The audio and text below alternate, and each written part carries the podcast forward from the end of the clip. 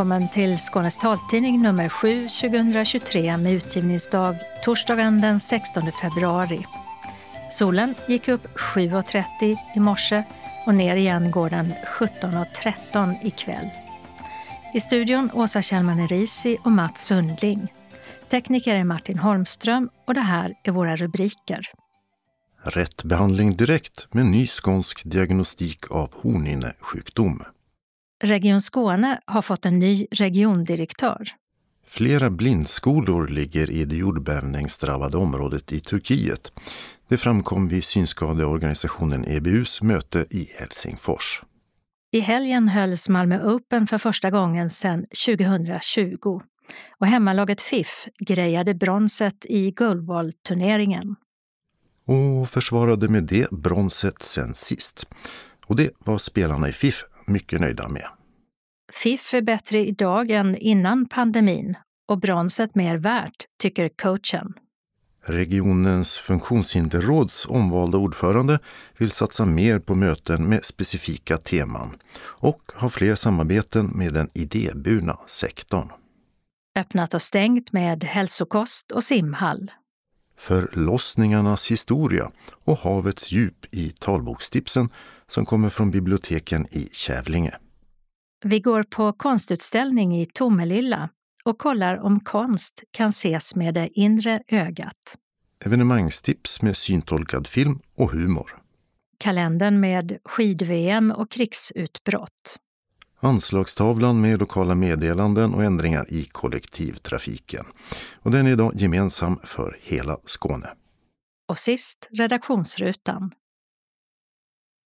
De som har ögonsjukdomen keratokonus kan med ny teknik direkt få besked om de behöver behandling eller inte.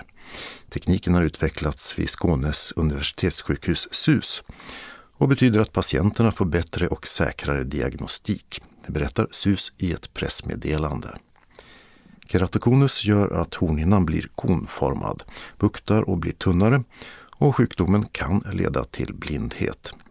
Försämringen kan stoppas med en kirurgisk ljusbehandling. Men den är bara till hjälp om sjukdomen är aktiv, inte när den är vilande. Och vilket av dem det är undersöker man i en tomograf. Nu har två forskare kommit fram till att diagnostiken brister och att man hittills ofta underbehandlat de som har mest nytta av kirurgin och överbehandlat de som inte har nytta av den. Ingemar Gustafsson, som är ögonläkare på SUS, har tagit fram nya gränsvärden för diagnostiken och tillsammans med forskaren Olof Neumann utvecklat en programvara för tomografen som man gör undersökningen med. Hittills har en optiker undersökt patienten, skrivit ner resultaten som sedan skickats till en läkare för bildgranskning och bedömning. Nu ska optikern direkt kunna få ett exakt resultat utan att läkare behöver tolka det. Och det gör, enligt forskarna, att rätt diagnos kan ställas direkt. Patienterna får besked en till två veckor tidigare än idag och kan ställa frågor på plats. Och dessutom rätt behandling, vilket enligt forskarna är bra för dem och för ögonläkarna som sparar arbetstid. Keratokonus drabbar ungefär en person av 2000. Börjar oftast i tonåren och stannar av i 30-årsåldern. På SUS tar man emot cirka 300 nya patienter om året som behöver återkommande undersökningar.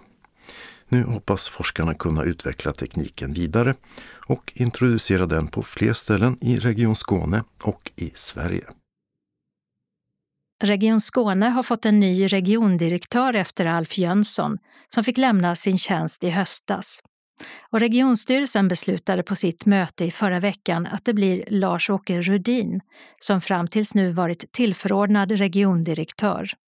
Det är en rekrytering inom Region Skåne och tjänsten utlystes aldrig. Och i en kommentar till Sydsvenskan sa regionstyrelsens ordförande Carl-Johan Sonesson, Moderaterna, citat vi står inför några svåra år ekonomiskt med stigande inflation samtidigt som vi har utmaningar med långa operationsköer. Så det gäller att ha en person som varit med länge. Inkörningstiden med Lars-Åke blir minimal och det har också varit ett tungt vägande skäl. Lars-Åke Rudin som är 63 år har arbetat länge i Region Skåne och sedan 2008 har han varit en del av koncernledningen och suttit som ekonomidirektör sedan 2013. I helgen hade styrelsen för European Blind Union, EBU, möte i Helsingfors i Finland. Och frågor som togs upp där var ett nytt kort för personer med funktionsnedsättning som ska gälla alla EU-länder, till exempel när man åker kollektivt. Men en stora fråga var också kriget i Ukraina och så handlar det om jordbävningskatastrofen i Turkiet och Syrien där Turkiets representant i styrelsen sa att flera blindskolor finns i det drabbade området. SRF Skånes ordförande Maria Torstensson är generalsekreterare i EBU. En av våra styrelseledamöter, Emin Demirci, han är ju från Turkiet och han var med på det här mötet nu digitalt. Och eh, han bor i Istanbul, så han bor ju en ganska lång bit därifrån. Men vi ställde frågan hur det såg ut, om de visste hur många synskadade, om det var synskadade med, vilket det troligtvis var, i katastrofen. Och han visste nog inte så himla mycket mer än vad vi vet, kan jag säga. Utan hela kontaktnätet i det här området är ju utslaget. Så att det är väldigt svårt att få fram information och det är jättemånga människor som ännu inte är hittade i området. Vi frågade om det fanns några blindskolor i det här området och det fanns det. Så vitt han visste så fanns det tre stycken blindskolor i området. Vilket kanske kan göra att det kan finnas synskadade barn och ungdomar kanske med i detta.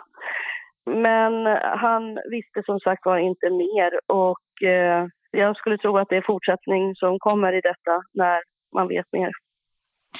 Vad tror du att eh, European Blind Union som organisation kan spela för roll i sådana här katastrofsituationer?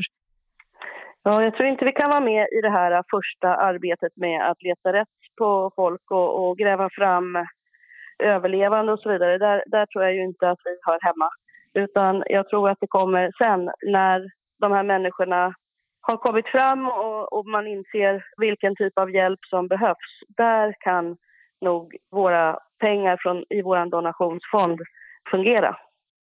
En annan fråga som diskuterats mycket det senaste året och så också på denna sammankomst, det är kriget i Ukraina och hur personer med synnedsättning drabbas. Och också den hjälp som medlemsländerna i European Blind Union samlar ihop och skickar ner. Och att följa vart hjälpen går är nu lättare än tidigare eftersom EBU har kontakt med paraplyorganisationen NAPD, National Assembly of Persons with Disabilities of Ukraine. Maria Torstensson igen. Det nya samarbetet som vi nu har med paraplyorganisationen, funktionshinderorganisationen i Ukraina, där även blindorganisationen ligger under, att det fungerar väldigt bra, att vi får bra rapporter. Vi har ju gett en del till dem och vi kommer fortsätta att ge mer bidrag när de kommer in med förslag på vad de vill göra för någonting. Men det fungerar väldigt bra och vi känner oss väldigt säkra på att pengarna går till rätt ställe. Och de eh, rapporter som ni får in, vad handlar de om? Det kan ju vara exempelvis att man håller på att bygga upp en ny institution som har blivit sönderbombad där det har bott synskadade elever i en blindskola till exempel. Och där har ju vi varit med och finansierat men vi är inte de enda finansiärerna utan de har ju större pengar som kommer från andra håll. Om du jämför med de rapporter som ni har fått tidigare och de ni får nu, hur är situationen för blinda och synskadade i Ukraina? Jag tror att situationen inte har förändrats så mycket. Däremot i och med att vi har fått den här eh, kontakten in så har vi fått mer information. Vi, vet lite grann mer och mer säkert vad som händer men eh, fortfarande så är det stora områden och ytor som inte är kontaktbara överhuvudtaget. Och hur har personer med en synskada eller blindade? På många ställen svårt.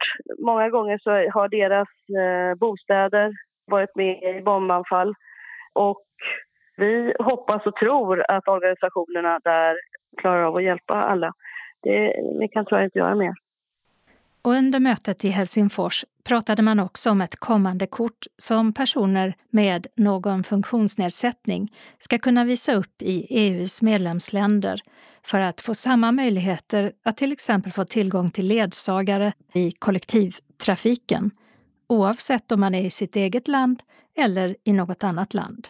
Man håller på att ta fram ett eh, funktionshinderkort, disability card, som kommer att eh, fungera på det viset att man kan få ledsagning lättare när man är utomlands och ute och reser.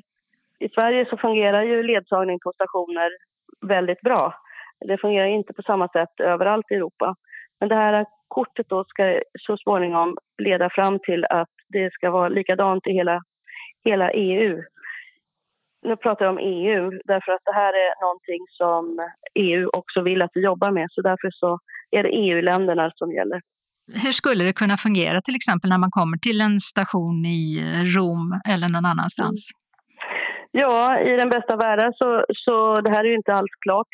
Men så skulle det kunna fungera så att man visar upp sitt kort och antingen att man får ha rätt att ha med sig en ledsagare utan extra kostnad eller att de kan hjälpa till att ta fram en ledsagare som hjälper en till tåget till exempel. Och det här om man har med sig en egen ledsagare, hur skulle det fungera? Alltså man får åka tåget gratis då, eller hur, hur fungerar det? Ja, som det fungerar i Skåne så åker ju en ledsagare med gratis när man åker kollektivtrafik. Så fungerar det ju inte i resten av Sverige utan det, det är Skåne som vi har det på det viset. Det är olika i hela landet och skulle det här kortet då komma så vet man hur det fungerar överallt. Att det är samma som gäller i hela landet och i hela EU. Är det något man ansöker om eller hur kommer man att få kortet? Det är inte klart hur, hur det ska gå till, vilka som får det, på vilket sätt man får det. Det är väl det som är den svåra frågan, anser jag. Vem som ska ha rätt att, bestämma vilka som får det.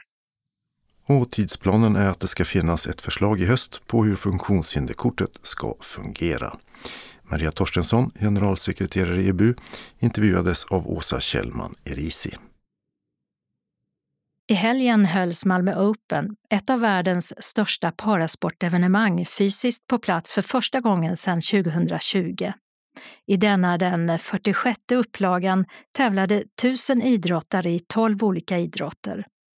Vi ska till FIF-hallen för att ta tempen på den stora synskadesporten goalball och framförallt på hemmalaget FIF. Tio mixade lag från sju länder gjorde upp i en enda klass. FIF hade ett brons att försvara från senast och vi kommer in just i matchen om bronsmedaljen mot det tyska laget Hansa från Rostock.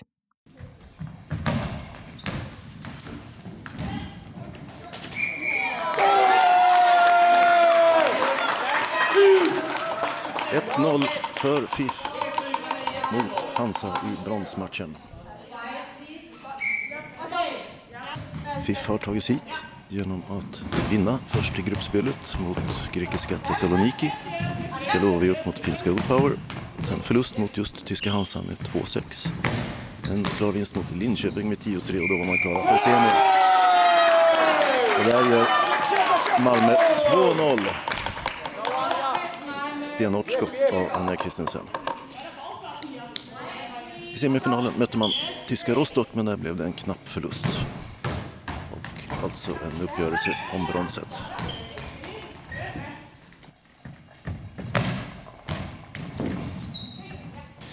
Mix goalball, både killar och tjejer. Elittjejer får vara med men inte elitkillar. Och Ludvig Nilsson eh, har fått finnas att sitta på bänken så här långt.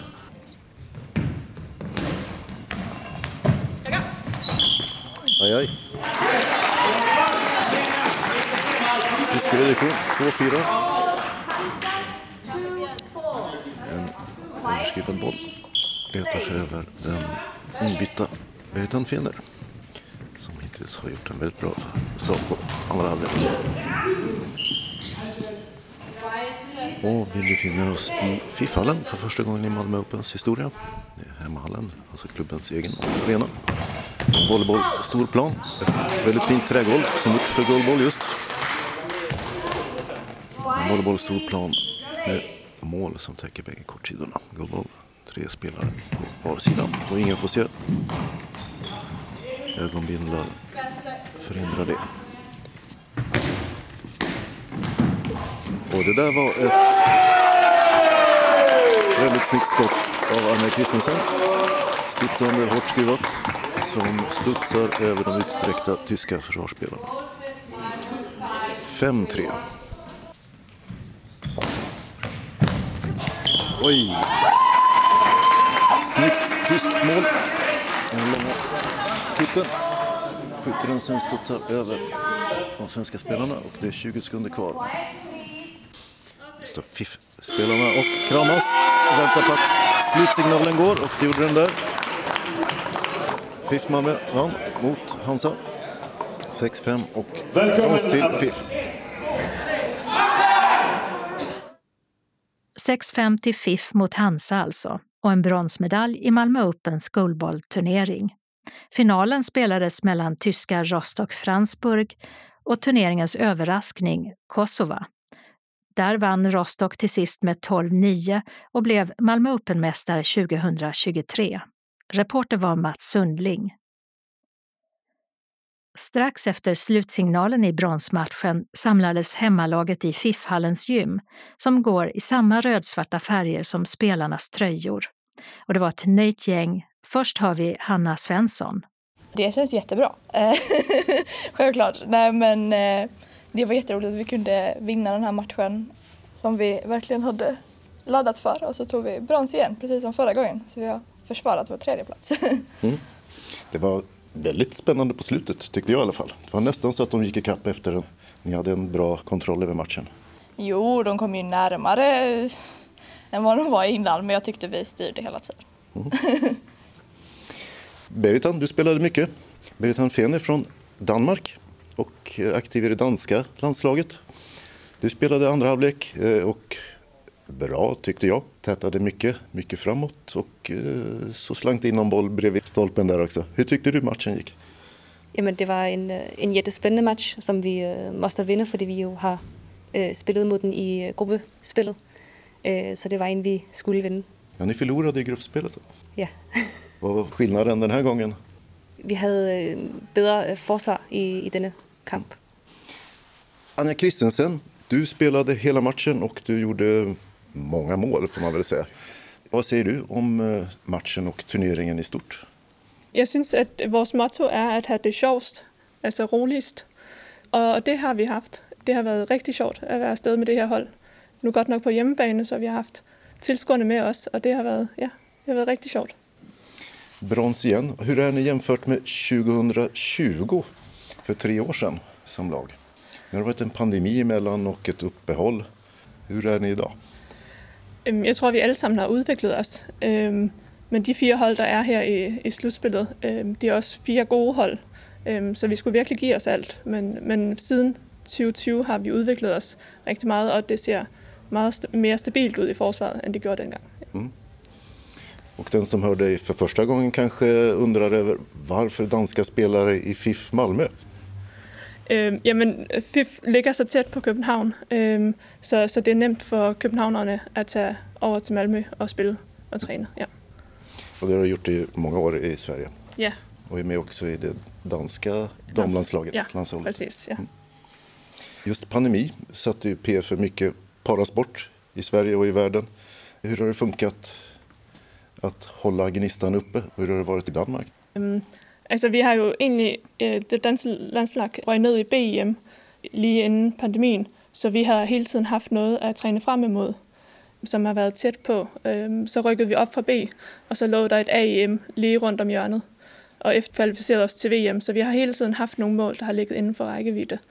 Øhm, så i pandemien at skulle træne hjemme, det har været selvfølgelig toft, men, øh, men det har været det værd. Mm-hmm. Eh, en som inte fick spela men som är från Skåne och duktig vet vi sedan tidigare det är Ludvig Nilsson. En skånsk spelare och en lång spelare ja, som tornar upp sig här mot taket i gymmet. Eh, du satt på bänken under bronsmatchen här. Hur var det? Det var ju lite tråkigt men samtidigt så lär man sig när man får titta på spelet från bänken. Och sen måste man ju alltid vara på hugget för att man ska hoppa in i spelet. Mm. Ja, det hade ju kunnat bli final också. Men det blev förlust i semifinalen och det var, det var väldigt jämnt har jag förstått. Ett måls skillnad och Anja står och skruvar på sig här. Vad tänker du om det?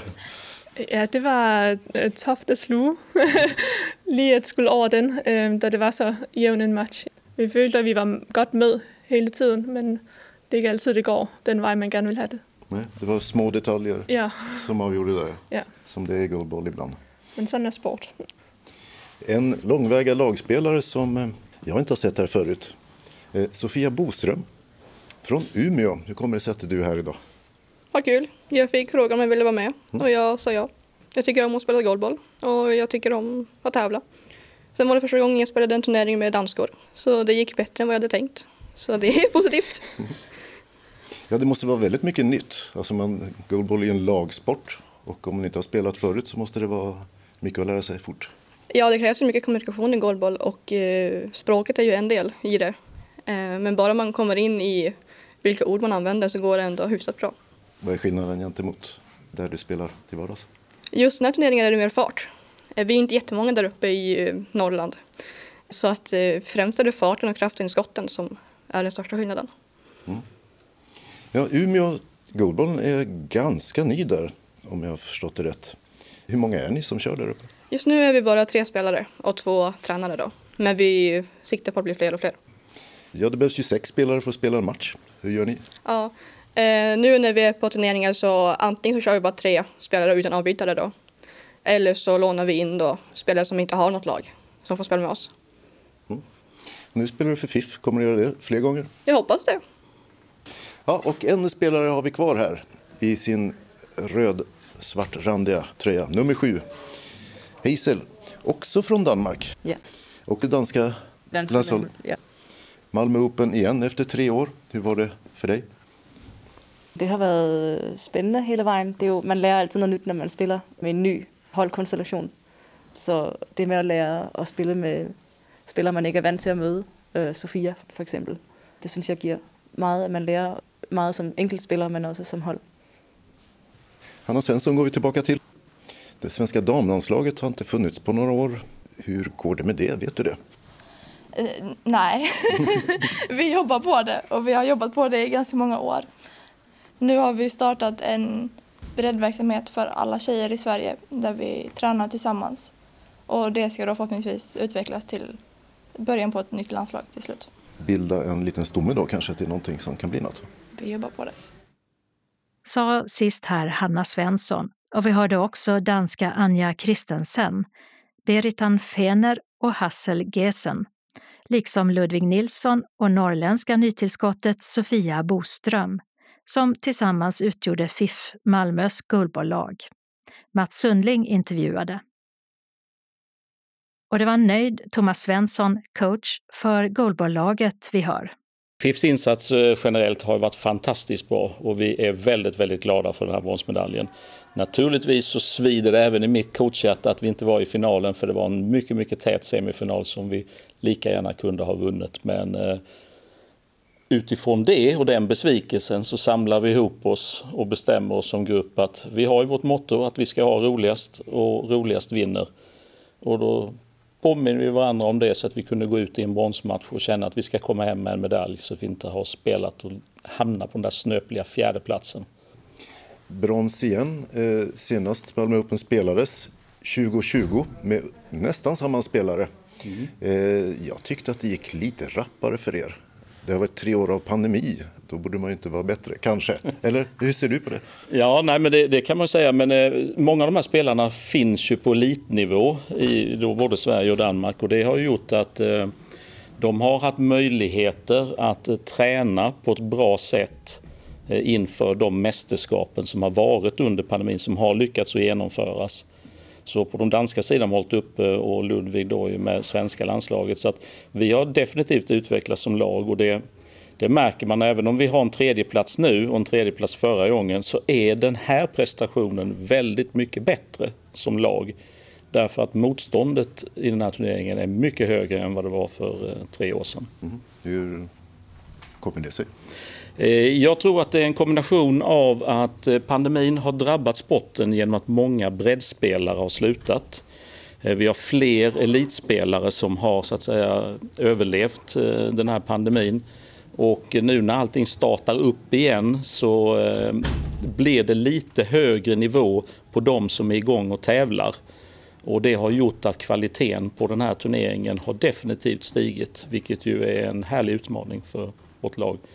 Och då är det ju kul att hänga med och bli trea igen och visa att vi hänger också med i den utvecklingen som sker. Och i synnerhet när vi då tittar på att det här var en final där fem av sex spelare hela tiden var damspelare. Sett ur det perspektivet så är det ju väldigt kul när man är engagerad mycket inom damgoalbollen också att kunna se att vi hänger med de här härliga herrspelarna också i tempot. Mm. Så ett brons med guldkant? Ja, men det är ett brons med guldkant, det måste jag säga, verkligen. Den elogen ska jag ge till tjejerna och killen. Sa Thomas Svensson, coach för FIFs goalballlag. Reporter i FIF-hallen i helgen var Mats Sundling. Det kristdemokratiska regionrådet Per Einarsson omvaldes till Region Skånes funktionshinderråds ordförande.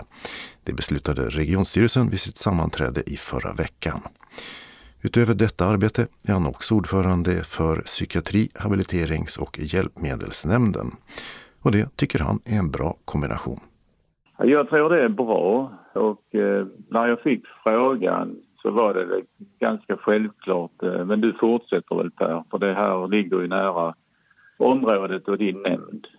Så att jag tror man ser att där ligger ju ett nära, rent arbetsmässigt så är det, det är nära nämndens arbete. Men vad eh, tycker du är viktigt att göra den här perioden då som du inte eh, gjorde förra perioden?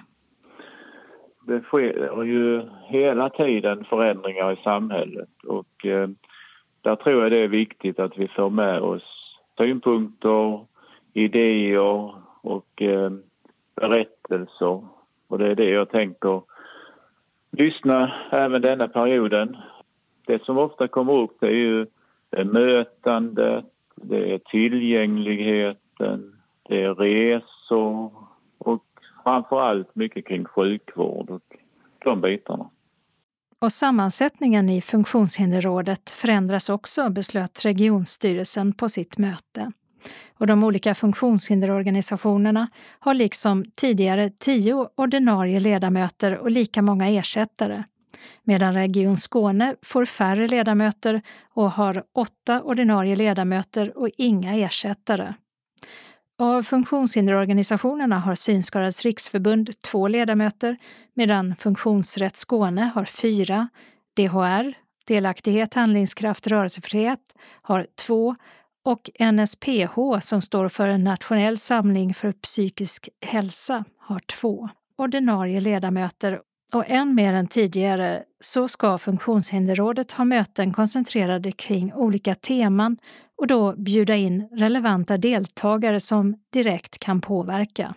Ja, där tror jag det är viktigt att vi eh, har med oss både representanter i respektive möte och tema där man också har ansvarsställning. Och om man är till exempel ordförande i kollektivtrafiknämnden att man är med när de frågorna tas och eh, tar med sig det senaste in i den nämnd eller i den styrelse där man eh, då som politiker sitter. Och det tror jag är viktigt. Att man blir budbärare och eh, också kan göra förändringar, förbättringar. Det hoppas jag verkligen. Och vi kommer att bygga upp mötena utifrån tema men också mycket från aktuella händelser. Vad kan det vara för ett tema till exempel? Det kan vara tillgänglighetsfrågan, nya bygge. Sen kan man ha ett tema en annan gång med resor, en annan gång eh, kring sjukvården. Så det är lite exempel på tema. När det gäller personer som är synskadade eller blinda, är det någonting speciellt där du tycker att ni bör jobba med? Ja, det är nog en fortsättning på ett gott arbete som har börjat. Eh, att det tas hänsyn alltifrån eh, start och planering av bygge till eh, gator och kommunikationsmedel. Att man hela tiden ser på den gruppen också och hör deras berättelser. Så det tänker jag att det är väl en av de utmaningarna vi har. Att få alla, om det är ingenjörer och byggare och, konsulter som behöver lyssna bättre så är det också vårt ansvar från politiken att peka på saker som är bekymmer och som inte har lösts på ett bra sätt. Har du några exempel där, där ni har pekat på någonting som sen har åtgärdats och blivit på ett annat sätt? Ja, det är ju till exempel det här med digitala eh, utanförskap. Där har vi ju kommit med en, en bra idé tycker jag där vi har en bra samordning nu med eh, SRF, Synskadades riksförbund här i Skåne. De får ett bidrag och en peng för att också vara med och utbilda och hjälpa då den gruppen som känner att det här med teknik är svårt och det här med smarttelefonen, eh, att kunna använda den på ett bättre sätt och lära sig den bättre. Det är en, ett exempel där vi har hittat varandra och eh, där vi har en, ja, ett fungerande avtal nu där man eh, utbildar och hjälper. Precis innan du ringde så ringde en dam som är synskadad och berömde och tyckte det, hon var tacksam att vi hade löst med SRF och att det var en fin lösning och att hon har fått ta del av det. Och, ja, det hade hjälpt henne. Hon ville ge cred för det. Det var roligt. Hon menar ju också att fler borde få upp ögonen för möjligheten. När man känner ett eh, digitalt utanförskap så är det ju väldigt viktigt att, att man då också vet att här finns personer som vill hjälpa till och kan rusta oss för att vara mer i samhället. Det här är ju någonting som tidigare har legat eh, på synmottagningarna eller synenheterna. Det är inte risk att man skälper över såna här frågor på organisationer istället som SRF eller någon annan organisation, att man ska ta hand om rehabilitering och så vidare? Ja, jag tror eh, att vi är, eh, vi är inte bra på detta i Sverige, att använda de resurserna. Och det vi kallar idéburen sektor och civilsamhälle, där skulle vi kunna, och där önskar jag att vi ökar från bara ett par procent, att vi kan öka andelen insatser från idéburna sektorn, att vi ökar det rejält i vårt samhälle. För jag, jag ser ju att här finns ju enormt mycket kunskap. Det är det jag möter i Funktionshinderrådet och alla de organisationer vi har där. Här finns ju en fantastisk möjlighet och eh, kraft ute i varje organisation. Och det tror jag vi kan nyttja bättre eh, i det offentliga. Och projektet som Per Einarsson nämnde är en utbildning att hantera sin smartphone som SRF Skåne fått pengar från regionen för att erbjuda synskadade som ser lite eller inte alls. Och som vi berättat om i tidigare inslag. Per Einarsson intervjuades av Åsa Kjellman Erisi. Öppnat och stängt. I Simrishamn kommer inte Tobisviksbadet att öppna under kommande säsong och även Korsavadshallen som inrymmer simhallen är fortsatt stängd. Och i dagsläget så finns det inget slutdatum satt för stora renoveringar av simhallen. En uppskattning är att badet kan öppnas första kvartalet 2024. I Trelleborg har hälsokostkedjan Hälsokraft tagit över hälsokostkedjan Lifes butik. Den ligger på Korfitsbäck Frisgatan 6. Bägge kedjorna finns över hela landet med flera butiker i Skåne. I Ilstorp ute på landet har en ny restaurang öppnat. For Family heter den och serverar lunch måndag till lördag. Adressen är Kumla-Toftavägen 192 96 i Sjöbo. I Landskrona har nöjespalatset Fabriken öppnat på Industrigatan 75. Här finns bar med biljard och shuffleboard och en arena för lasertag, ett krigsspel av paintball-typ med bland annat lasersvärd som i Stjärnornas krig-filmerna. Det finns en karaokescen och den nya restaurangen Brasserie Glöd med köksmästare från Klostergatans vin och delikatess i Lund. I Skegrie utanför Trelleborg har skönhetssalongen Vickerud Beauty öppnat på Maja-Lisa Grönbergs väg 1A. I Ystad, närmare bestämt på Öja industriområde, har den italienska matvagnen Pigalina Pasta öppnat. Öppettiderna är vardagar 10 till 14. En efterlängtad uppföljare, Förlossningens historia, girighet och en relationsroman.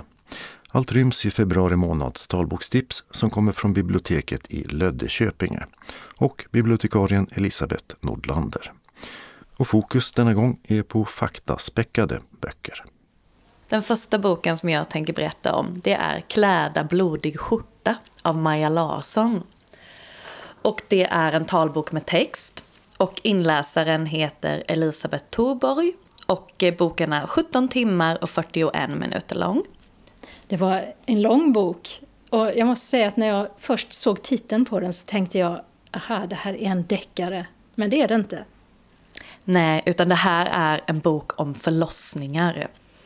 Och den här titeln då, Kläda blodig skjorta, det är en metafor som betyder att man strider och dör för någon. Och det är på ett sätt så kan man ju relatera det till barnafödande. Och eh, det är en av de fackböckerna som blev nominerade i Augustpriskategorin Årets fackbok. Och eh, den handlar då alltså om förlossningar sedan 1870-talet och den har ett otroligt rikt källmaterial. Och eh, på slutet av 1800-talet då börjar barnmorskor få utbildning och det börjar rekommenderas att barnmorskor medverkar och närvarar vid förlossningarna. Men förlossningar är ju såklart en del av hela vår historia. Så att man får liksom samhällshistorien med under tiden som man läser om hur förlossningarna utvecklas. Så får du samhällshistoria också. Och jag tyckte att det var så spännande att följa den här utvecklingen. Till exempel så är det otroligt spännande när man kommer in på 20 och 30-talen. Då antalet barn som föds eh, är rekordlågt. Det är det här som man brukar kalla för kris i befolkningsfrågan. Och då börjar man propagera för att kvinnor till varje pris ska föda barn. Så till den grad att det börjar bli omöjligt för kvinnor att skilja sin egen vilja från samhällets vilja. Och det är också nu man börjar behandla ofrivilligt barnlösa kvinnor och män. Till exempel så försöker man säkerställa att kvinnor ska få orgasm så att sperman ska kunna ta sig in i livmodern. Och det är flera läkare som anser att barnlösa kvinnor är de som är samhällets bästa. Det är inte arbetarklassens stora barnkullar man vill främja, utan det är ju de rikare människorna som är barnlösa som man vill gärna ska få barn. Och i Sverige har vi en enorm förflyttning i början av 1900-talet. Från en generation till en annan så går man från att föda hemma till att föda på sjukhus. Och den här storskaliga vården, den här industriella vården, nästan när man har långa rader av sängar med kvinnor som föder barn. Otroligt spännande bok tyckte jag. Och du har själv ganska nyligen fött barn. Gjorde det att den blev extra spännande tror du? Ja, men det tror jag såklart, det personliga. Min, min dotter är två och ett halvt år gammal nu. Och eh, det är klart att jag tänker mycket på hur vår förlossning var. Och din nästa bok, vad är mm. det? Nästa bok, då ska vi se. Då är det Den lodande människan av Patrik Svensson. Och eh, det är ju en talbok med text Inläsare är Örjan Blix och den är 7 timmar och 48 minuter lång. Och eh, jag älskade ju Ålevangeliet. Så jag är jätteglad att Patrik Svensson har skrivit en ny bok. Och eh, Den lodande människan det är en lovsång till det okända och till nyfikenheten. Den handlar om det gåtfulla havet, där ju allt liv kommer ifrån. Och trots att havet är så mäktigt och så stort så är det ju otroligt ömtåligt och vi utsätter det för en otrolig exploatering. Hade det skett på land då hade man inte tillåtit det. Det är förödande helt enkelt. Den lodande människan handlar också om människors vilja till vetskap och att göra upptäckter. Och om hur mycket som döljs under den här ytan. Eh, den handlar om världsomseglare, om att loda djupen, den handlar om myter och om kaskelottvalar. Patrik Svensson blev inte nominerad till Augustpriset för den här, men Ålevangeliet vann ju fackbokskategorin 2019. Och i Ålevangeliet så utforskade ju han sin relation till pappan. Och i Den lodande människan handlar det istället om modern. Livets ursprung. Mm. Och eh, jag ville läsa ett litet utdrag ur Den lodande människan. Idag vet vi att många olika former av liv existerar även i den kalla och eviga natten på havets botten. Men trots att de vetenskapliga metoderna finns för att utforska även de mest otillgängliga platserna på jorden förblir det till stor del en gåta exakt vad som rör sig i de mörkaste djupen. Man räknar med att ungefär 80 procent av världshaven fortfarande är helt outforskade. Väldiga områden av jorden som är dolda av vatten och därmed separerade från människans kunskapssfär. Områden som ingen någonsin har sett, aldrig kunnat utforska eller observera. Ännu idag är det dit nyfikenheten söker sig. Till de platser som i alla tider gömt sig för våra sinnen. Och det känns ju hoppfullt på något sätt tycker jag att så mycket ändå är outforskat. Visst är det det. Visst känner man någon slags eh, glädje i att det finns saker som vi inte känner till och som vi inte har tagit reda på. Nästa bok jag tänkte tipsa om är inte fullt så hoppfull. Den heter Girig Sverige och är skriven av Andreas Cervenka. Ehm, det är en talbok med text och inläsare är Jens Jakobsson. Och längden är 10 timmar och 41 minuter. Och Andreas Cervenka är ekonomireporter. Han har skrivit för bland annat Dagens Industri och Dagens Nyheter. Och i den här boken så förklarar han hur Sverige har kunnat bli ett paradis för miljardärer. Våran självbild och eh, andras bild av Sverige är ju att Sverige är ett jämlikt land och med ganska hög skatt. Men eh, i den här boken så får vi lära oss att skatten på inkomst är hög, absolut. Men skatten på tillgångar, alltså fastigheter och värdepapper, är lägre än i många andra länder. Och så jag tänkte läsa ett eh, utdrag ur boken där Andreas Cervenka pratar med en eh, techkille i USA. Så det börjar så här. Att vara svensk i USA är en speciell upplevelse. Vårt land används ofta som slagträ i den politiska debatten på både höger och vänsterkanten. Den förre presidentkandidaten Bernie Sanders och det demokratiska stjärnskottet Alexandria Ocasio-Cortez har båda lyft fram Sverige som ett föredömligt exempel på ett jämlikt välfärdssamhälle med en demokratisk socialism. Den förre presidenten Donald Trump försökte å sin sida flera gånger plocka poäng på att Sverige minsann inte är särskilt tryggt. Mest intressant är dock att högerpolitiker, som den libertarianske senatorn Rand Paul, inte utmålar Sverige som skräckexempel på ett marxistiskt land med Venezuela-vibbar. Argumentationslinjen är snarare den motsatta. Sverige är en nation där det inte längre går att spåra några rester av socialism. Där marknadskrafterna flödar helt fritt. Den som inte fattar det har inte hängt med, enligt Rand Paul. Ändå är det slående hur många amerikaner som fortfarande bär på föreställningen om DDR-Sverige ett land med en slags planekonomi och semikriminellt höga skatter. Jag minns särskilt ett samtal med en anställd på en av de stora techjättarna. En snabb jämförelse mellan länderna fick hans Sverigebild att implodera ganska snabbt. Hur hög är fastighetsskatten i Sverige? Vi har ingen. Arvsskatt? Självklart inte. Skatt på gåvor? Nej. Förmögenhetsskatt? Lägg av. Fast ni har väldigt höga skatter på företag. Lägre än i USA. Skatt på aktieutdelningar. Vi har speciella konton, ISK, som gör dem i princip skattefria. Och när jag sen förklarade det svenska skolsystemet med riskkapitalägda utbildningsjättar och skolpeng fick han ett förbryllat uttryck i ansiktet. Ungefär som om jag hade berättat för ett barn att konceptet tomten i hemlighet ägs och drivs av Amazon. Ja, men så det här är en otroligt intressant bok där man får lära sig mycket om den ekonomiska utvecklingen i Sverige sedan 90-talet. Och Gir i Sverige var också nominerad till Augustpriset. Lärde du dig själv mycket när du läste den? Otroligt mycket. Alltså det, är, det är mycket siffror att hålla reda på men eh, man eh, lär sig väldigt, väldigt mycket om ekonomi som jag inte hade koll på. Och sista boken, vad är det? Sista boken som jag vill tipsa om är Andromeda av Therese Boman. Och eh, det är en talbok med text och inläsare är Anna Godenius och längden är 5 timmar och 18 minuter. Och det här är en relationsroman. Efter tre fackböcker så kommer det nu en riktig roman. Ja, äntligen. Och det här är verkligen en otrolig pärla. Det handlar om Sofie. Hon är praktikant på bokförlaget Rydéns. Där Gunnar, som är litterär chef, tronar som en bevarare av gamla tiders världen. Och litteraturens världen. Och de här två finner varandra trots den stora åldersskillnaden. Eh, han är mer än dubbelt så gammal som henne. Men de delar samma värderingar och eh, kärlek till litteratur.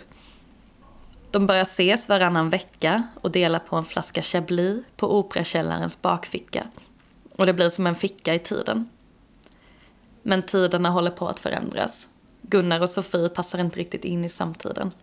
Och när Gunnars hjärta blir sämre tvingas han lämna förlaget vidare. Andromeda-romanen är en fantastisk skildring av ett möte. Först får vi det berättat för oss ur Sofies synvinkel och sen får vi det ur Gunnars synvinkel. Och eh, jag ville läsa ett utdrag även här om hur deras relation beskrivs. Det finns så många känslor som saknar benämning. Det är konstigt egentligen att det inte uppstått ord för vissa av dem. Men kanske beror även det på att det är enklare så. Vi förstår och ordnar tillvaron utifrån det vi har ord för. Liksom man ser färger utifrån de färger man har fått lära sig existerar. Antikens greker hade inget ord för blått på det sätt som vi har idag. Orden de använde för att beskriva havet rymde mer än bara färgen. Texturen, opaciteten, rörelsen. På ett annat språk, eller i en annan tid, hade Gunnars och min relation kanske varit en annan. Kanske hade den erbjudits ett ord som rymde mer än svenskans platta kollegor och vänner. Så länge vår relation till varandra kunde benämnas vänskap var den oskyldig enligt språkets binära uppdelning. Medan ett ord som rörde sig i riktning mot attraktion hade komplicerat världen för mycket. Samtidigt rymmer vänskap ofta just ett mått av attraktion. En hungrig nyfikenhet på den andra. Det som skiljer den starka känslan av ny vänskap från känslan av förälskelse är ibland bara en språklig formalitet. Och känslor tar ingen hänsyn till språket. Allt det vaga, hemlösa begär som varje dag ligger som en skälvande energi mellan människor försvinner inte för att det inte benämns. Kanske växer det sig till och med starkare av det. Sist här tipsade Elisabeth Nordlander om romanen Andromeda av Therese Boman som man också läste ett avsnitt från. Och de övriga talbokstipsen var Kläda blodig skjorta av Maja Larsson, Den lodande människan av Patrik Svensson som också har varit månadens ansikte i Skånes taltidning. Och en länk finns till det inslaget på vår hemsida. Och boken Gir i Sverige av Andreas Cervenka. Reporter var Åsa Kjellman Erisi. Så ska vi till en trädgård för de blinda. För så heter en utställning på Tomelilla konsthall med akvareller av konstnären Tobias Sjöberg från Stockholm. Och så här berättar han själv om trädgården i fråga vi kan nästan kalla det för en trädgård. Jag har inte tänkt det så bokstavligt, men man skulle kunna kalla det för det. För det är en, en plats där olika element spelar in och har med varandra att göra. Det är målningar som är, har olika storlekar och olika motiv som rör sig mycket i färgens värld. Jag tycker stämningen själv när jag kommer in är sådär äh, nästan upplöst. Alltså den har någonting som... Färgen är så genomsiktlig. alltså den är väldigt skitmålad och nästan osynlig ibland. Den har kvaliteter som skulle nästan kunna närma sig med lite som så vårtecken eller... Det är en gul, vagt cirkelformad figur mot en eh, ljusare bakgrund. Och eh, det är olika grader utav gult på alla de målningarna. Det här är Lena Ekstrand konsthallsvärd i Tomelilla. Eh, sen så kommer det tre större verk, två på den ena långväggen. Kanske två och en halv gånger två och en halv. Och det är större sjok utav färg. Ett i lila och rosa mot en ljus bakgrund. Och det andra är blått och gult överlagda på varandra så att mittfältet blir grönt. Sen på golvet finns det också speglar för att ytterligare liksom ge rymd åt den här lokalen. Nu ser vi oss titta Ja. ner. Och in i evigheten. Det är verkligen en, en inre resa. Och han har varit väldigt influerad av en nyzeeländsk författare som heter Janet Frame. Den boken heter Doftande trädgårdar för de blinda. Och när jag läste den boken så var det någonting som hände. Att jag såg eh, att det fanns en stämning eller, eller en slags igenkänning där som gjorde att jag kunde återkomma till det här med trädgård för de blinda. Alltså det blev en stämning, det blev en ingång som, som gav mig kraft. Det andra perspektivet av eh, den titeln det är just att den för mig beskriver en poetisk verklighet. Den beskriver eh, någonting du går in i som egentligen inte har så mycket med liksom, någonting som fattas dig att göra utan mer av det här andra ögat som vi har inom oss. Den här andra blicken, det här andra seendet. Och det här handlar om ett inre seende, inte ett seende med ögonen. Nej, det är ett immateriellt seende som eh, har jättemycket med upplevande att göra. Som har med varseblivning mer att göra egentligen. Och det kan ju låta så här paradoxalt när man jobbar med bild men bild är verkligen på det sättet, för mig i alla fall, att bilden har ett innehåll. Och det är genom på något sätt erfarenheten konstnären har haft som erfarenheten betraktaren kan ha. Och det säger jag egentligen inte har så jättemycket med ögat att göra. Alltså, konstnären har en erfarenhet som hen tolkar i bild och så känner betraktaren, i det här fallet konsthallsbesökaren, igen en egen erfarenhet genom att eh, titta på bilden. Och han har ju också haft som inspiration vad en astronaut känner som har varit ute i rymden. Vad den personen känner sig förändrad när den kommer tillbaka till jorden.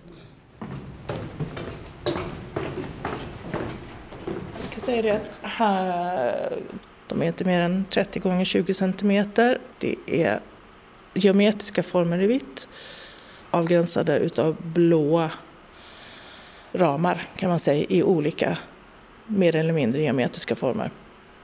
Och det är varierande grad utav vita fält och blå ramar på alla de här målningarna och de är insatta i grupper, ibland om två, ibland om åtta, någon enstaka.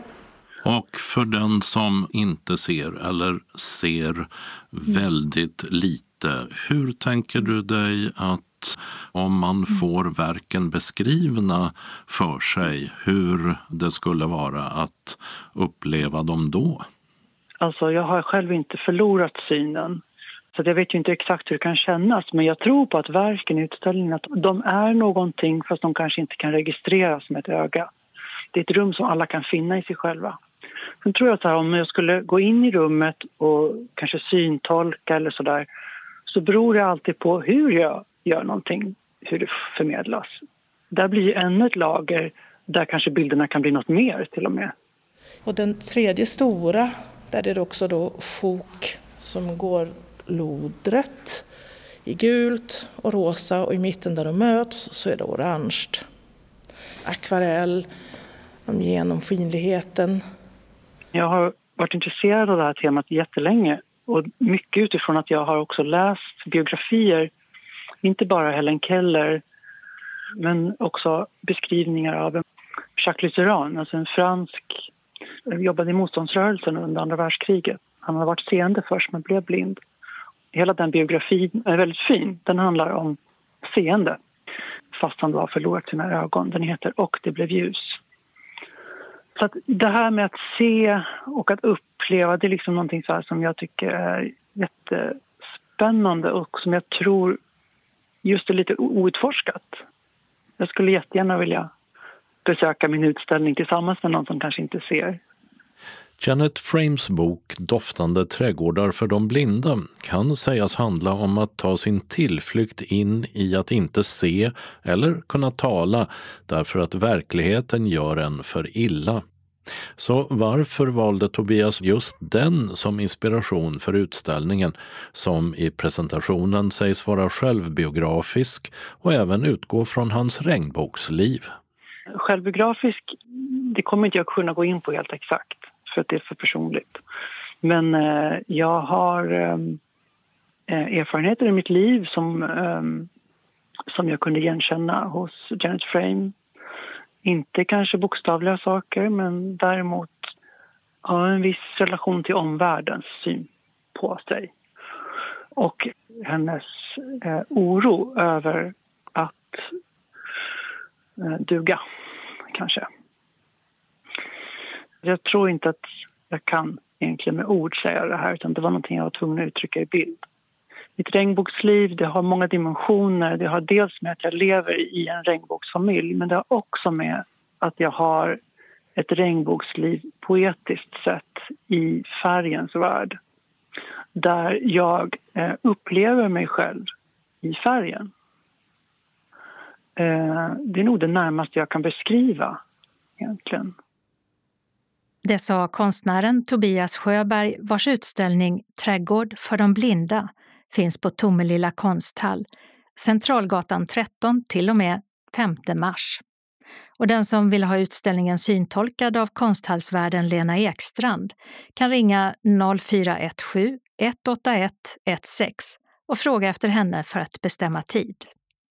Romanen Doftande trädgård för de blinda av Janet Frame finns som talbok och det gör även Och det blev ljus av Jacques Lucéran liksom Min värld av Helen Keller. Reporter var Dodo Parikas. Evenemangstipsen börjar med syntolkad film. Sockerexperimentet heter en spelfilm om just ett sånt som gjordes med de intagna på Vipeholmsanstalten på 40 och 50-talet med mycket lidande som följd. I nummer fem av taltidningen hade vi ett inslag om filmen med en intervju med regissören. Och filmen hade biopremiär i fredags och det finns nu ett syntolkningsspår att ladda ner hos Movertalk för den som har smartphone. Och den som prenumererar på vårt gratis nöjesmail får en länk till nedladdningen nedan. Nöjesmejlet är dessa tips i textform som man kan klippa ur intressanta delar ur eller alltså få länkar till som denna. Den italienska action, fantasy och äventyrsfilmen Freaks Out gick på bio i höstas och nu finns en syntolkning med uppläst textremsa till strömmande format, tv och dvd att ladda ner hos Movietalk. Filmen handlar om en ovanlig cirkus där allt förändras när andra världskriget bryter ut och några av cirkusarbetarna visar sig ha krafter som kan avgöra kriget. Filmen fick kritikerberöm för att vara både vacker, underhållande och allvarlig. Lundakomikern Anders Jansson ute på turné med sin humorshow Mina sinnens fulla bruk. Som lär skoja om medelklassens nojor och med just sinnena i fokus. Den har fått fint mottagande av både kritiker och publik och kommer nu till Skåne igen. Lördag den 18 februari ses han på Slakthuset i Malmö start 19.30. Dit säljer Eventim de fåtaliga biljetterna som är kvar för 500 kronor. Hässleholms kulturhus gästas dagen på den 19 klockan 15. Här finns biljetter kvar hos Nordic och i biljettkassan. Teatrarna i Landskrona och Ystad har redan slut på biljetter men till Kulturkvarteret i Kristianstad den 19 mars klockan 15 finns biljetter kvar för 465 kronor. Och till hösten kommer den förlängda turnén tillbaka. Först till Ystads teater den 7 september klockan 20 och dit kostar det 515 kronor hos Eventim. Slakthuset i Malmö gästas på nytt den 8 september klockan 19.30. Stadsteatern i Lund den 14 september klockan 20 samt 11 november 19.30. Ticketmaster säljer plåtar dit för 530 kronor. Den 30 september klockan 19.30 kommer Anders Jansson tillbaka till Kulturkvarteret i Kristianstad. Landskrona teater gästas den 1 oktober klockan 20 och hit säljer Tixter biljetter för cirka 500 kronor. Och Helsingborgs konserthus till sist den 10 november klockan 20. Biljetter för 500 kronor säljs av Konserthuset. Mina sinnens fulla bruk ska vara ungefär en och en halv timme lång och biljetterna kan gå åt fort. Gratis är det däremot på Ystads stadsbibliotek där det måndag den 27 mars blir en ny träff i bokcirkelserien Läs en bok, möt en författare. Klockan 18 samlas man då för att ta upp boken Oändligt underbart av Marianne Bakhtiari som sägs vara en vacker och sorglig berättelse om en ung pojkes sista dag i livet. Och som brukligt kommer författaren själv till bibliotekets litteraturscen. Den här gången tisdag den 18 april. Anmälan till bägge tillfällena ska göras på antingen mejl till biblioteket snabelaystad.se eller 0411 57 72 90. Och vill man veta mer kan man ringa Tellevo Salomonsson på 0709 47 72 91. Biljettinformation Ticketmaster och Ticknet telefon 077 170 70 70 Nortic 0455 61 97 00 Tixter 0771 47 70 70 Eventim 0771 65 10 00 och Helsingborgs konserthus 042 10 42 70. Kalendern för vecka 8 börjar med måndag den 20 februari då sportlovet börjar i Skåne och Vivian har namnsdag. Med anledning av att det gått ett år sedan Ryssland invaderade Ukraina kommer riksdagen under hela veckan vara belyst i Ukrainas färger. Ett gult fält i botten och ett blått ovanpå. Vilket lär symbolisera just gyllene fält och himlen ovanför. Tisdag den 21 februari är det fettisdagen och semmel eller fastlagsbullätandet går i topp. I Planica i Slovenien invigs skid-VM med tävlingar i både backhoppning och längdskidåkning. I det senare med svenska guldhopp som Frida Karlsson, Ebba Andersson och Jonna Sundling. Den sistnämnda får chansen försvara sitt VM-guld från senast på sprintdistansen på torsdagen. Och på fredag körs skiathlon för herrar och lördag för damer. Och på söndag den 26 körs sprintstafetterna där svenskarna borde få ihop ett riktigt bra lag. Medan Kalle Halvarsson och Edvin Anger kan skapa en av de svenska herrarnas bättre medaljchanser. VM håller på till den 5 mars. Och så har Hilding namnsdag. Onsdag den 22 februari är det askonsdagen och därmed slutfrossat både på semlor och annat. Fastan varar de 40 dagarna till påsk. Pia har namnsdag. Torsdag den 23 februari samlas ledarna för världens 20 största länder till ett G20-möte i Indien som är årets ordförandeland. Både Rysslands Vladimir Putin och Ukrainas Volodymyr Zelensky är inbjudna. Och Indien har sagt att de gärna söker mäkla fred mellan länderna. Andra frågor som kommer upp är skuldsättning, mat och energisäkerhet och klimatförändringarna. Skådespelaren Kjell Bergqvist lär ha sagt att han aldrig sökt en roll. De har erbjudits honom. Ändå är han en av de mest produktiva i filmbranschen sedan debuten 1971.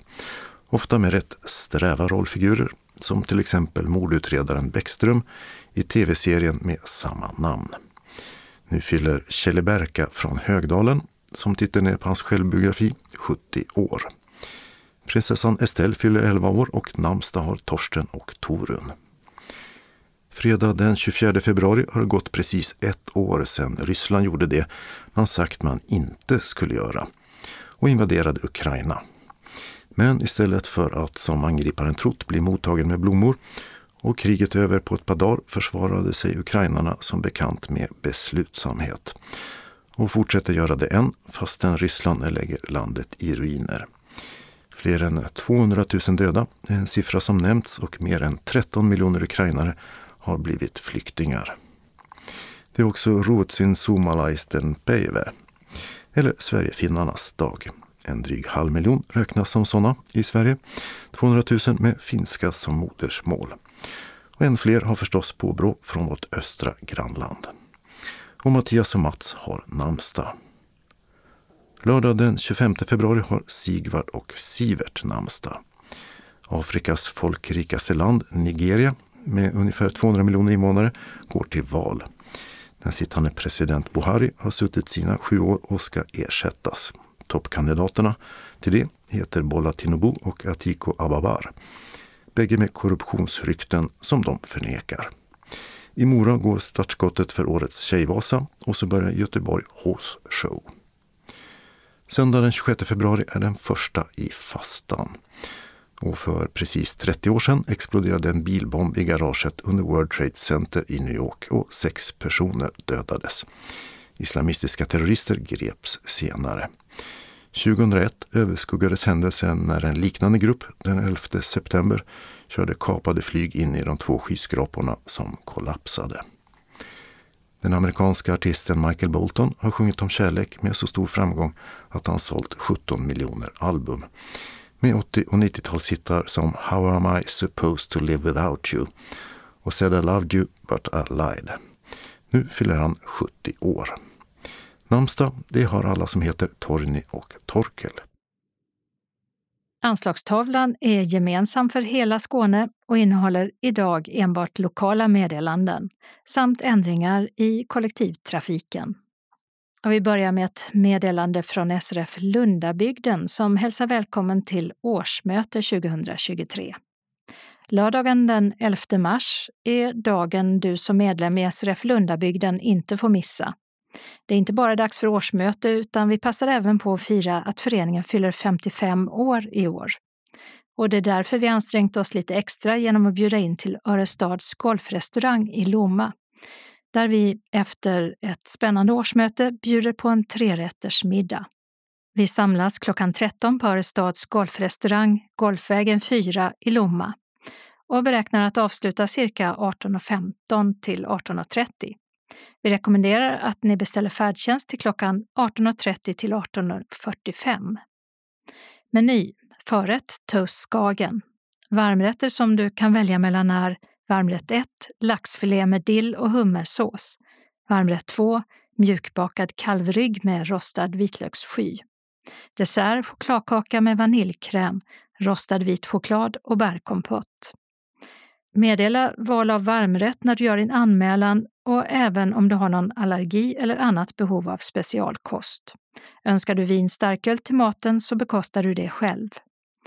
På det inledande årsmötet ska vi gå igenom styrelsens verksamhetsberättelse och årsbokslut för 2022. Sen välja styrelse som ska leda föreningen under det närmaste året. Utöver en ordförande som väljs på ett år ska ytterligare tre ledamöter väljas och då på två år. Utöver styrelsen väljer vi även till exempel revisorer och valberedning. Sedvanliga årsmöteshandlingar kommer att skickas ut till de som anmält sig senast en vecka före årsmötet.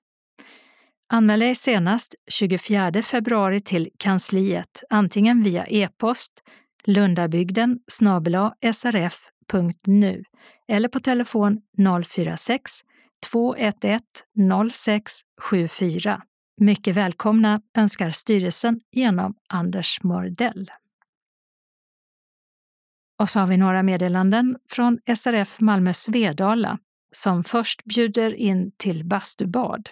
Och nästa gång är redan idag den 16 februari på Öresund Funkis mellan klockan 18 till 21. Vi badar bastu tillsammans och de som är modiga nog tar ett dopp. Du tar själv med dig det du anser att du behöver. Badtofflor är bra för oss som tänker sig ut till sundet. Och det kommer att vara gemensam bastu. Anmäl dig till kansliet på 040 25 05 40 eller info srfmalmo.se senast torsdagen för aktiviteten före klockan 12. Ring Maj-Britt 070 324-6609 om du fått förhinder eller har frågor. Välkomna hälsar styrelsen. SRF Malmö Svedala bjuder också in till aktiviteter under vecka 8. Välkomna till dagverksamhet. Vi serverar kaffe och smörgås eller kaka till en kostnad av 10 kronor. Man anmäler sig till kansliet om man tänker komma på någon av dagaktiviteterna senast klockan 10 samma dag som aktiviteten. Måndagen den 20 februari klockan 13 till 15. Vi träffas och umgås med lite fika och diskuterar aktuella nyheter samt läser ur tidskrifter. Ibland hinner vi även med frågesport. Tisdagen den 21 februari klockan 13 till 15.15 .15, bingo. Och så har SRF Malmö Svedala sopplunch på föreningen den 3 mars klockan 13.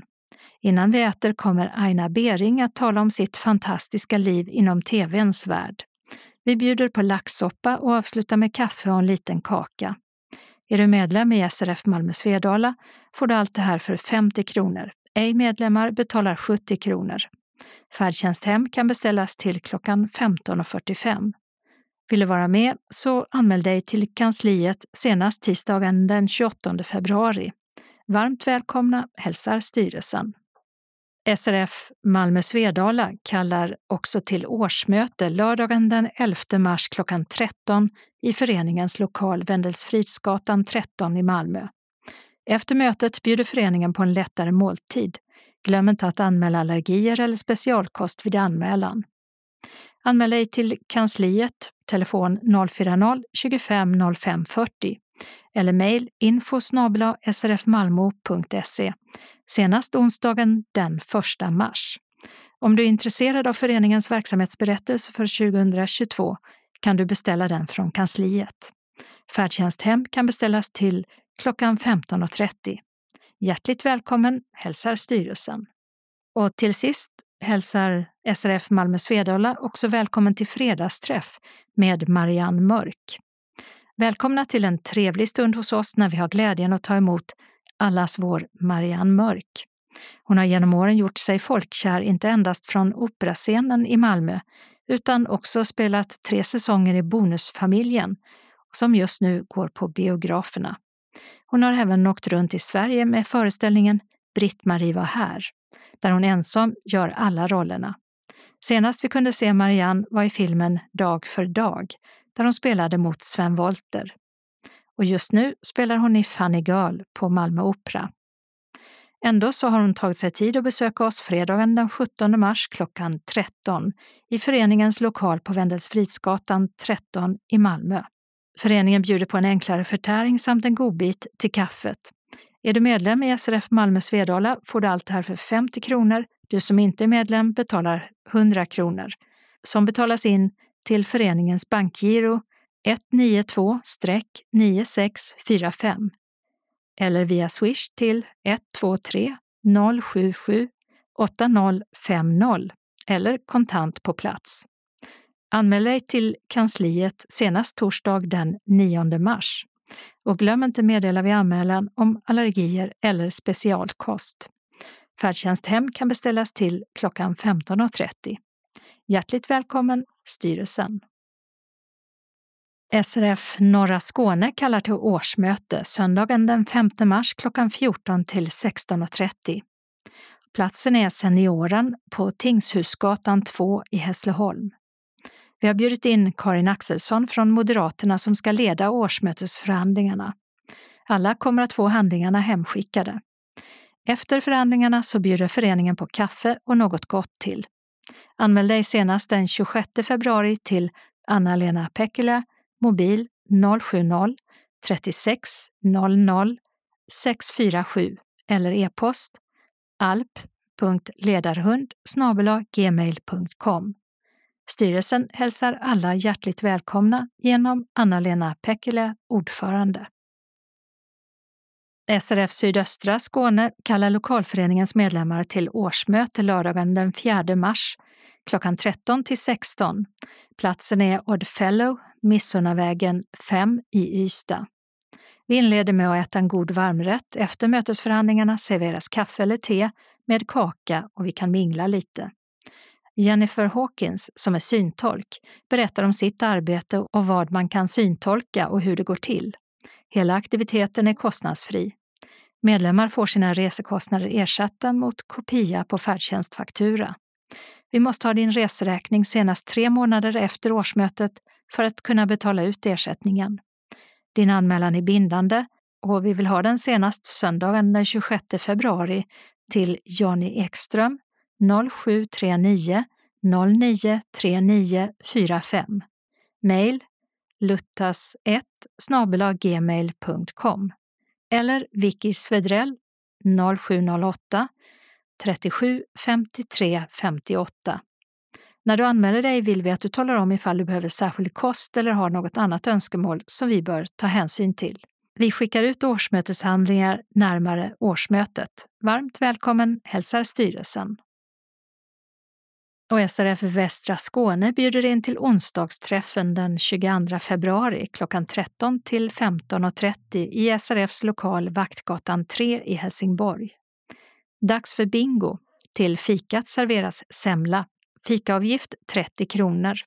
Bingobricka 10 kronor per styck. Anmäl dig till kansliet på telefon 042 15 83 93 eller mejl srfvastraskane srf.nu senast tisdagen den 20 februari klockan 12 så att kansliet kan beställa fastlagsbullar. Om du står på den fasta listan behöver du bara meddela om du inte kan komma. Välkommen! Och så har vi några tillfälliga ändringar i busstrafiken och vi börjar med Malmö där många busslinjer påverkas på grund av ett VA-arbete som redan är igång och pågår till den 3 mars och gör att Rådmansgatan mellan korsningarna med Smedjegatan och Sankt Johannesgatan stängs för genomfart. Busslinjer som påverkas är linje 1, 2, 6, 7, 8, 35 och flygbuss 110. Hållplats Gustav Adolfs torg, läge H, stängs och läge B dras in för linje 8. Hållplats Davidshall, läge A och läge B stängs. Likaså hållplats Triangeln, läge A och läge B. Tandvårdshögskolan läge A och B dras in för linje 7 och 8 medan hållplats Södervärn, läge J, dras in för linje 7 och 8. För mer information kan man höra av sig till Skånetrafikens kundtjänst 0771 77 77 77. Och vi har en tillfällig ändring i busstrafiken i Helsingborg och på Annerovägen som gäller busslinje 7 fram till den 1 september. På grund av att en infart till en byggarbetsplats ligger i nära anslutning till hållplats Dalhem centrum läge C och D stängs dessa hållplatslägen. Och när hållplats Dalhem centrum läge C mot Brohult stängs så hänvisas resenärerna istället till hållplats Annerovägen läge A cirka 280 meter bakåt motsatt bussens färdriktning på Annerovägen. Och hållplats Dalhem centrum läge D mot Helsingborg C Långeberga stängs och resenärerna hänvisas till hållplats Annerovägen läge B, cirka 160 meter framåt i bussens färdriktning på Annerovägen. Vi har en tillfällig ändring i busstrafiken i Lund. På grund av en trafikomläggning på Västra Mårtensgatan påverkas busstrafiken och hållplatser vid Stora Södergatan och stadsbuss knutpunkten Botusplatsen. Ändringen gäller fram till och med den 11 mars och berör linje 2, 3, 4, 5, 6 och 7. Och resenärerna hänvisas till tillfälliga hållplatser på Botulfsgatan, Stortorget och Vårfrugatan. För mer detaljerad information ring Skånetrafikens kundtjänst på telefon 0771 77 77 77. Och det här det var allt för Skånes taltidning för den här gången och nästa gång när vi är tillbaka då har det hunnit bli torsdagen den 23 februari. Skånes taltidning ges ut av Region Skånes psykiatri och habiliteringsförvaltning. Ansvarig utgivare är Martin Holmström. Postadress Jörgen Ankersgatan 12, 211 45 Malmö. Telefon 040-673 0970. E-post Skanes taltidning snabela skane.se och hemsida skanestaltidning.se. Observera att CD-skivorna inte ska skickas tillbaka till oss Såväl skivor som kuvert kan läggas i brännbara sopor när ni inte längre vill ha dem. Vi hörs igen. Hej då!